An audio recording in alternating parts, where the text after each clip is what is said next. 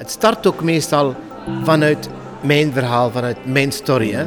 Maar het blijft niet bij de story. Het, is, het is niet een goedkoop verhaal van ik heb dat gedaan, ik was twee keer failliet en nu heb ik een fantastisch bedrijf. Iedereen applaudisseert. Dat is TEDx niet. Hè. TEDx is ik heb een ervaring, ik heb iets opgebouwd en daar ben ik toe gekomen en dat deel ik nu met u. En ik ga er ook verder gaan, ik zal het met u delen en u misschien ergens een soort uh, medeverantwoordelijkheid geven van wat doe jij niet met mijn verhaal. Rudy Arnoud verwierf bekendheid als professor, top-econoom en kabinetchef. Doorheen de jaren heeft Rudy al meer presentaties moeten aanhoren en geven dan hem lief is. Ja, kijk, ik heb natuurlijk vanuit mijn vroegere functies naar die conferenties moeten gaan, noem het maar de VOCA's en de Unizo's en de VBO's van deze wereld. Dan komt de buiten na, vier uur en zeggen, wat heb ik geleerd? Oké, je hebt wat netwerking gedaan en een goed glas champagne gedronken, maar wat is, wat is er gebleven? Wat heb je, als de Sandras opstaat, wat is er bekleven? Wat is er beklijvend? Welke communicatie raakt en welke niet? Rudy Arnoud weet hier het een en ander over. Zeker ook vanuit zijn rol als huidig curator van TEDx Brussel.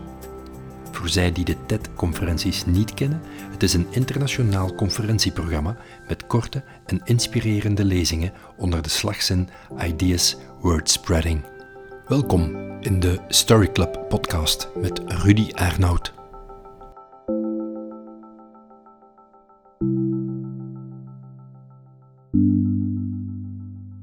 Als rode draad voor dit gesprek wou ik TEDx nemen. Ehm, je bent curator van TEDx Brussel. Hoe is dat gekomen? Kan ik daar kort naar vragen? Wel, natuurlijk. Ik moet zeggen dat ik, uh, ik ben dus uh, acht jaar kabinetchef geweest. En toen uh, vond ik één dat ik al meer of genoeg verdiend had. En dan heb ik mij bezig gehouden met een, niet-governementele organisatie. Die noemde One Laptop per Child. Een laptop per kind. Um, en dat was eigenlijk een spin-off van MIT.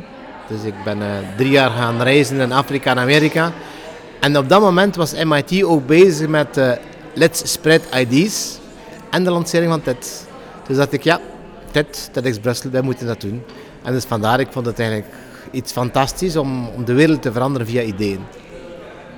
Als je daar nu op terugkijkt, op die paar jaar TED, is er een lezing die het meest is bijgebleven, die nu zo top of mind is? Wel, er zijn zodanig veel lezingen dat het moeilijk is om er één uit te pikken. Uh, waarom? Omdat ja, iedere lezing heeft zijn eigen verhaal. Hè. En precies, ik denk dat als je naar TEDx gaat, ik zet me nu in de, in de situatie van de bezoeker, ik ga natuurlijk soms ook naar een TEDx-event, ja, dan is eigenlijk het interessante dat je buiten komt, je hoofd zit boomvol, je hoofd doet er zelfs pijn van, maar al die ideeën gaan zo door elkaar haspelen. En geleidelijk aan komt er een beetje structuur in en zegt oké, en dat filtert je voor jezelf.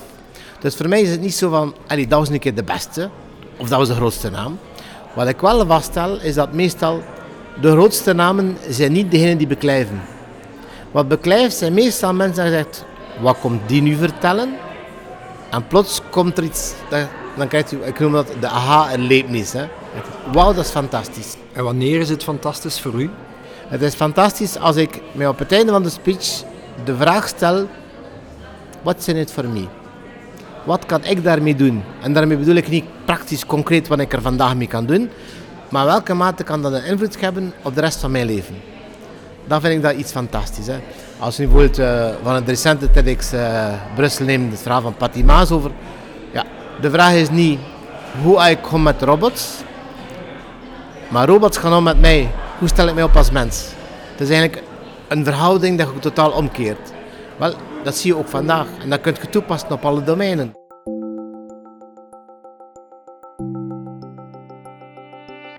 Ik denk het eerste wat mensen goed maakt, zijn de mensen die geloven in hun verhaal.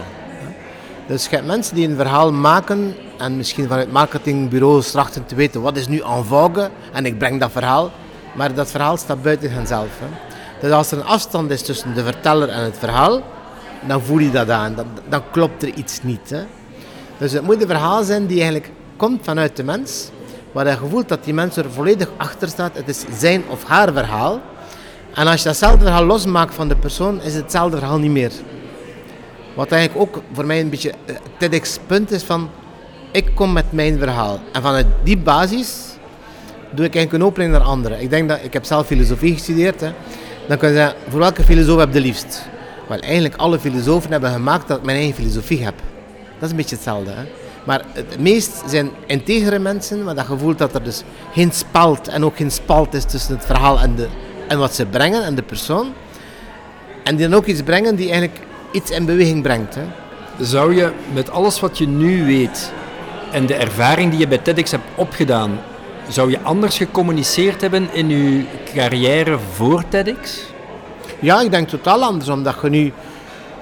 Ik denk dat je als je een TEDx-alumni, of wat dat ook mocht noemen, zet, als je behoort tot de TEDx-gemeenschap, dan weet je eigenlijk dat, je, dat die communicatie moet gebeuren op een manier dat je zegt...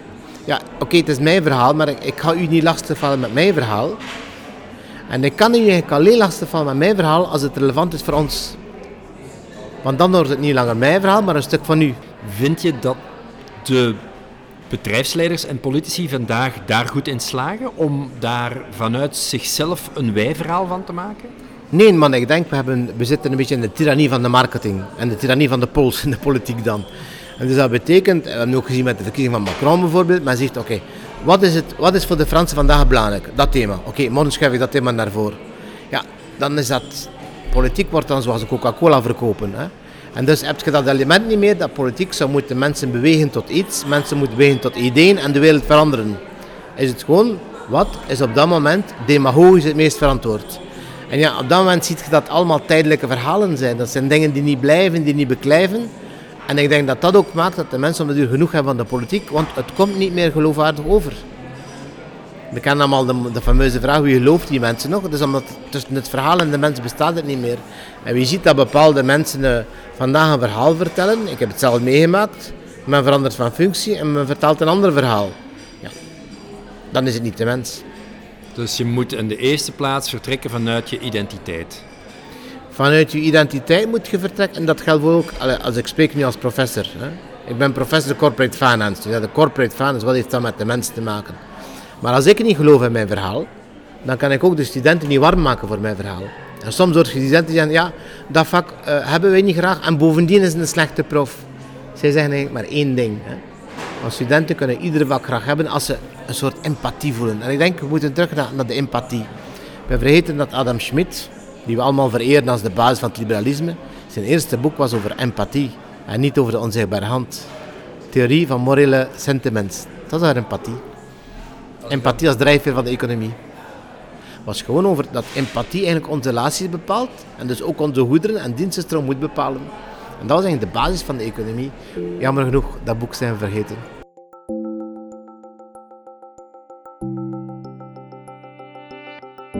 Ik denk dat dat een, een heel goede vraag is en ook de grote moeilijkheid. Hè. Als curator TEDx heb ik enorm veel e-mails van mensen die zeggen ik heb dit en dat gedaan en zie mij een curriculum van 10 pagina's en bijlagen. Ik zou graag een talk geven met dit. Mijn antwoord is altijd hetzelfde. Geef mij vijf lijntjes met het basisidee. En de meeste reageren niet eens meer op mijn e-mail. Omdat ze het niet weten. Omdat ze niet weten. Maar is zo gewoon om te gaan spreken overal over basis van, ik heb dat gestudeerd en kijk ons bedrijf, dat is de omzetcijfer en dat is, onze, dat is onze business en de visie en de strategie. Maar daarover gaat het niet.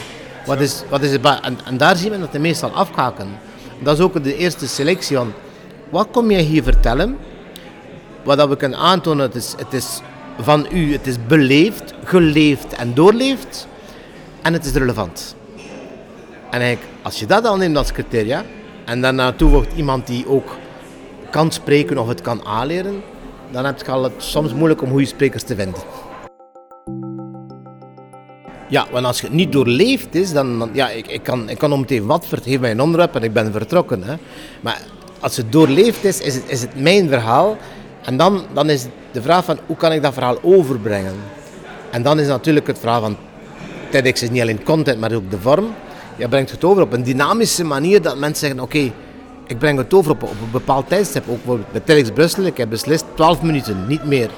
Je verhaal brengen in 12 minuten is niet evident. Hè? En dan zie je dat de mensen al moeten beginnen skippen. Hè? Want men begint zijn speech voor te en komt dan 20 minuten. Waar skip ik? Hè? En alleen dat al is interessant. Vorig jaar had ik een, eh, spreker, een, een Duitse geleerde over plasmatechnieken. Een paar van mijn mensen zeggen, Rudy, plasmatechnieken. En inderdaad, plasmatechnieken. Dus de man was zo'n specialist. Ik heb gezegd, als jij een speech kunt geven, waarvan iedereen, zelfs mijn kinderen kunnen begrijpen hoe je bezig bent, dan vraag ik u voor dit. Die man heeft een speech gegeven en op het einde zei iedereen, dat was nu echt, nu heb ik voor de eerste keer begrepen wat plasmatechnieken zijn. En dat is natuurlijk ook omdat die man, die is, geboren met, met plasma in zijn onderbuik, bij zoals spreken, die, die gaat sterven met plasma. Plasma is zijn ding, is zijn verhaal. En is ook, hoe ben je ertoe gekomen, wat kun je ermee doen, wat is relevant. Dat is iets dat beklijft. En dat is, dat is voor mij een goede TEDx-talk. Het beklijft, dus het is niet echt het onderwerp, maar iets dat echt beklijft, dat er blijft, dat er leeft is. Ik denk, één, het is de kracht van de personal story, maar het is ook, het idee wordt niet onmiddellijk gemeten aan de performantie van morgen. Hè. De idee van de politieker wordt gemeten aan hoeveel stemmen of hoeveel ben ik bij in de poll.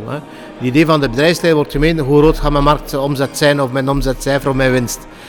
dit, ja, je hebt een idee dat je naar voren brengt, dat relevant is, maar daarom niet misschien morgen zal leiden tot opbrengst of meer stemmen. Dus het idee is wat meer neutraler.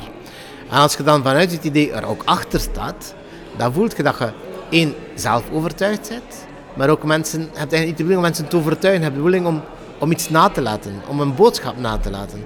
En dat voelde ook als ik nadien spreek met, met de TEDx-sprekers, sommigen zijn, Rudy, ik geloof dat het niet gelukt is, want allez, ik heb het niet kunnen overbrengen. Maar dat, dat vind ik zo mooi aan wat u nu zegt. Dat zou de essentie moeten zijn van iedereen die communiceert. De intentie om iets achter te laten dat zichzelf overstijgt. Ja, en ik denk dat is niet alleen de essentie, maar als dat er niet is, ja, is er dan überhaupt communicatie? Want ik kan natuurlijk een speech aframmen dat iedereen natuurlijk verplicht applaudisseert op het einde, maar er is geen enkele communicatie. Er is gewoon er is een discours, zoals men noemt, maar het discours heeft niet, is niet gepasseerd. Er is, er is geen golf, er is geen... En, en, en, dat vind ik wel belangrijk in TEDx, dat het... Dat, ik stel dikwijls de vraag aan de mensen, oké, wat dacht je van die speech? Hè? En dan vind je het, het ene idee of de twee ideeën die beklemmen. Ik heb eraan gedacht, ik moet daar iets mee doen, ik ga eraan denken morgen. Dat vind ik het geslaagd. Is het een plezier om nog steeds met die sprekers bezig te zijn in de voorbereiding? Wel één, het is een, het is een plezier. Trouwens, eh, ik moet zeggen dat ik naast mij ongeveer 50 vrijwilligers heb. Ik ben zelf ook vrijwilliger. We zijn allemaal vrijwilligers, dus we zijn eigenlijk allemaal mensen die daarnaast eigenlijk ons brood verdienen op een andere manier. Dus je doet het gewoon. Ja, andere mannen gaan naar het voetbal en hebt die tijdens community. En ik, ja, nu, dus de volgende event is in maart. Ik zal zo in oktober mijn vrijwilligers samenbrengen. En je voelt die motivatie, je voelt dat. En, heb je al de t-shirts besteld, Rudy? En dat, die community dan, dat komt. Dus ik denk dat iedereen prachtig gemotiveerd is. Trouwens, dat is ook een beetje mijn levensfilosofie. Um, ik denk, als je wilt gelukkig zijn, dan moet je op ieder moment als je doet dat je niet meer graag doet, moet je onmiddellijk stoppen. Onmiddellijk. En je valt wel weer op je benen en op je achterpoten. Dus ik denk ook, direct als ik het doe, is het omdat ik het fantastisch leuk vind. Omdat ik vind dat ik ook een bijdrage heb. Ja, en anders zou ik iets anders zijn. Het is de format. Het is de duur. Het is 12 minuten, niet meer. En ook in die 12 minuten hebben ze opdracht van één. Na één minuut moet de toehoorder weten waarover gaat het. En haakt hij af? Of zegt hij, dat is het. Dus je kernboodschap moet onmiddellijk zijn. Twee, het moet visueel ondersteund zijn. Hm? Niet met een klassieke PowerPoint, maar visueel ondersteund. Het moet dynamisch zijn. Het kan dus niet zijn dat je afkomt met die papiertje met af te lezen. Dus al die zaken zijn eruit. Dus het is inderdaad, het vergt geen wat voorbereiding. En 12 minuten is misschien niet veel, maar ik ken mensen die dagen, weken voorbereiden om die 12 minuten. Die de 16e, 17e versie naar mij sturen van hun speech van, wat denk je nu? En ik zeg, sorry, dat kan niet. Hè. Maar mensen zijn echt gemotiveerd. En iemand, die bent trouwens ook uh, deel van de TED Rules, is dat de sprekers worden niet betaald. Dus we hebben sprekers die fortuinen verdienen met te gaan spreken ergens. En die in de TED komen 12 minuten gratis. Omdat zij ook de TED-filosofie in het hart dragen.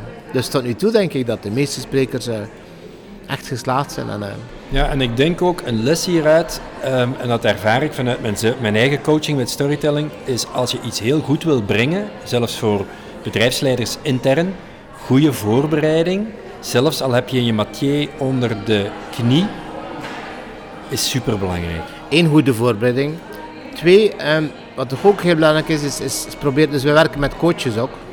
Dus dat betekent, wij gaan niet bepalen wat de inhoud van de speech moet, moet zijn, maar wel hoe het kan gebracht worden en wat er niet kan. Hè. En het is ook belangrijk dat, dat de spreker aanvaardt dat hij een klankbord geeft. Hè. Uh, bijvoorbeeld, de zondag doen wij rehearsal. Dus de spreker komt zijn verhaal doen. En dan bepaalt de curator, kan hij spreken of niet. Dus het is gebeurd dat wij de zondag zeggen tegen de spreker, nee man, nee vrouw, het kan zo niet. Hè.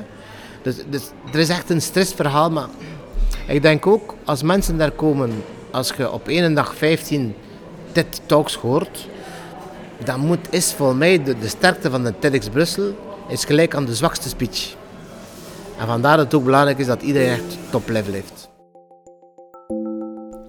Rudy Arnoud, communicatie, storytelling en TEDx Brussel. Het waren de kernwoorden van deze Story Club podcast voor vandaag. We zaten in de vooruit in Gent. Dat heeft u af en toe gehoord met het achtergrondgeluid. Interesse in meer van dergelijke interviews? Ga naar rafstevens.be of kijk op iTunes de Story Club.